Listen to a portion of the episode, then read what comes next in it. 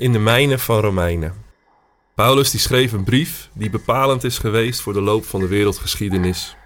Een brief die ook wel de kathedraal van het christelijk geloof wordt genoemd. Een brief die erom vraagt om gelezen en herlezen te worden. Een brief waar je schatten in kan opdelven, waar je in kan graven en waar je in kan zoeken. Een brief van Paulus, speciaal voor jou.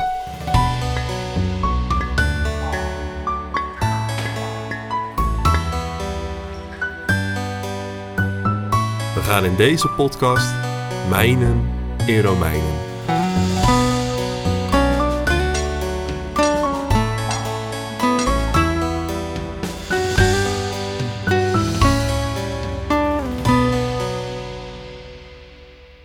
In de vorige aflevering hebben we gezien hoe we door de doop heen op de weg zijn gezet naar het nieuwe leven. Vandaag pakken we de draad op en lezen we verder in Romeinen 6 vanaf vers 12 tot 23. Laat de zonde dus niet heersen over uw sterfelijke bestaan. Geef niet toe aan uw begeerte. Stel uzelf niet langer in dienst van de zonde als een werktuig voor het onrecht, maar stel uzelf in dienst van God. Denk aan uzelf als levenden die uit de doden zijn opgewekt. En stel uzelf in dienst van God als een werktuig voor de gerechtigheid. De zonde mag niet langer over u heersen, want u staat niet onder de wet, maar leeft onder de genade. Betekent dit nu dat we vrijuit mogen zondigen omdat we niet onder de wet staan, maar onder de genade leven? Absoluut niet. Wanneer u zich als slaaf in iemands dienst stelt, weet u toch dat u hem moet gehoorzamen?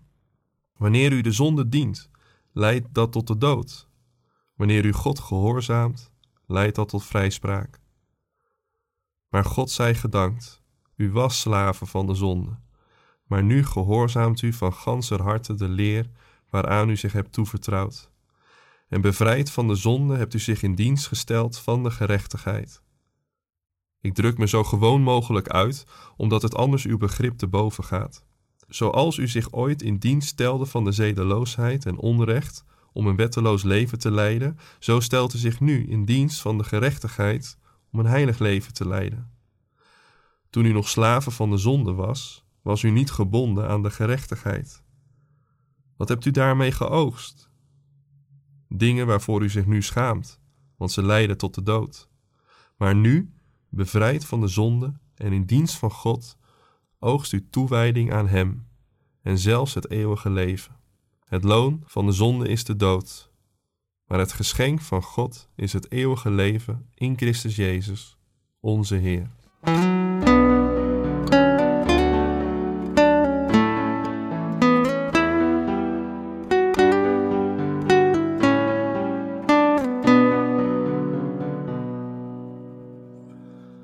Iedereen vertelt zichzelf een verhaal over zijn leven. Vaak onbewust, soms wat meer bewust. In gedachten en soms hardop vertel je wat er in je leven is gebeurd. Hoe je bent geworden die je bent geworden. Wat je hebt geleerd en afgeleerd. Hoe je getekend bent of hoe je bent gevormd. Ik denk dat het belangrijk is om je bewust te zijn van je eigen verhaal. Ik denk ook dat het belangrijk en bijzonder moedig is om van tijd tot tijd je verhaal te delen met iemand die je vertrouwt en dan samen jouw verhaal eens in het licht van wie je bent vandaag de dag te houden. In hoeverre bepaalt mijn verhaal wie ik vandaag ben? In hoeverre heb ik mij neergelegd bij wat er tegen mij is gezegd in het verleden? In hoeverre leef ik vandaag nog in de woorden en gedachten die mijn verhaal kenmerken? In mijn rol als voorganger heb ik nog wel eens met mensen op die manier gekeken. Samen door het verleden heen en dan kijken in hoeverre datgene wat er is gebeurd, tot op de dag van vandaag doorwerken om daarna, vanuit de Bijbel, op zoek te gaan naar Gods verhaal, naar Zijn evangelie in het leven van de ander. Ik heb gezien hoe daardoor mensen nieuwe accenten konden aanbrengen in hun verhaal, hoe genezing en aanvaarding de ander kon helpen in geestelijke groei. Het verhaal wat je vertelt over je leven doet ertoe en bepaalt vandaag je handelen, vaak onbewust. Paulus maakt ons in het gedeelte van vandaag bewust van ons nieuwe verhaal, ten opzichte van dat oude verhaal. Over het kruispunt van het oude en het nieuwe verhaal hebben we het gisteren gehad: de doop.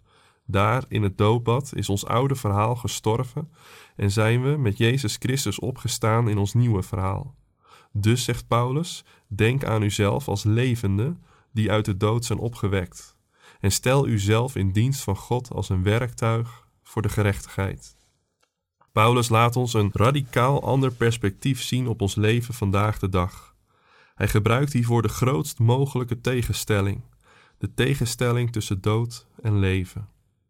Paulus schudt ons hiermee wakker en probeert ons te laten leven vanuit ons nieuwe verhaal. Je leeft voor de gerechtigheid. Dat wil zeggen, je leeft voor de dingen waar God blij van wordt. Voor het goede, voor heelheid in plaats van gebrokenheid. Voor genade in plaats van zonde. Voor gerechtigheid in plaats van wetteloosheid. Je leeft vandaag vanuit je nieuwe verhaal waarin je met Jezus opgestaan bent. Je oude verhaal is verteld en is achtergebleven in het watergraf. In deze periode vieren we Bevrijdingsdag. Na jaren van oorlog en bezetting was het eindelijk Bevrijdingsdag, Victory Day. Het kwaad was overwonnen. De oorlog was voorbij. Tegelijkertijd weten we dat er velen waren voor wie de oorlog niet ophield in mei 1945. De oorlog leefde bij velen voort in de trauma's van verlies en verschrikking, in bezorgdheid en verdriet. Ik hoorde een keer een Joodse vrouw zeggen dat haar ouders de kampen overleefd hadden, maar wel waren gestopt met leven. En zo zijn er velen geweest die in een periode met nauwelijks psychische zorg nog dagelijks leefden in het verleden, voor wie de bevrijding geen vrijheid betekende. Het kan op een eigen manier ook jouw verhaal zijn. Ja, je bent opgestaan in je nieuwe verhaal met Jezus Christus, maar je leeft je oude verhaal. Ja, je hebt het eeuwige leven ontvangen, maar je leeft een sterfelijk bestaan. Ja, je bent bevrijd van de zonde, maar je doet nog steeds de dingen waarvoor je je schaamt. Ik wil je vandaag uitnodigen om dit in gesprek te brengen met iemand die je vertrouwt, om dan samen vervolgens naar het kruispunt van je leven te gaan en opnieuw te kijken naar de bevrijding en het leven waar je toe geroepen bent. Om daar vandaan de toewijding te oogsten aan Hem en het eeuwig leven te ontvangen in Christus Jezus, jouw Heer. Om het verhaal van je leven opnieuw vorm te geven. Het oude het oude te laten en te leven voor het nieuwe. God heeft ons aan elkaar gegeven om elkaar daarin te helpen. Je hoeft dat niet alleen te kunnen. Want ik gun je de vrijheid. Ik gun je het volle leven waar God je toe bevrijd heeft. Een leven in dienst van de gerechtigheid, het goede, van datgene wat God mogelijk maakt en geeft. Ik wens je daar van harte Gods zegen toe.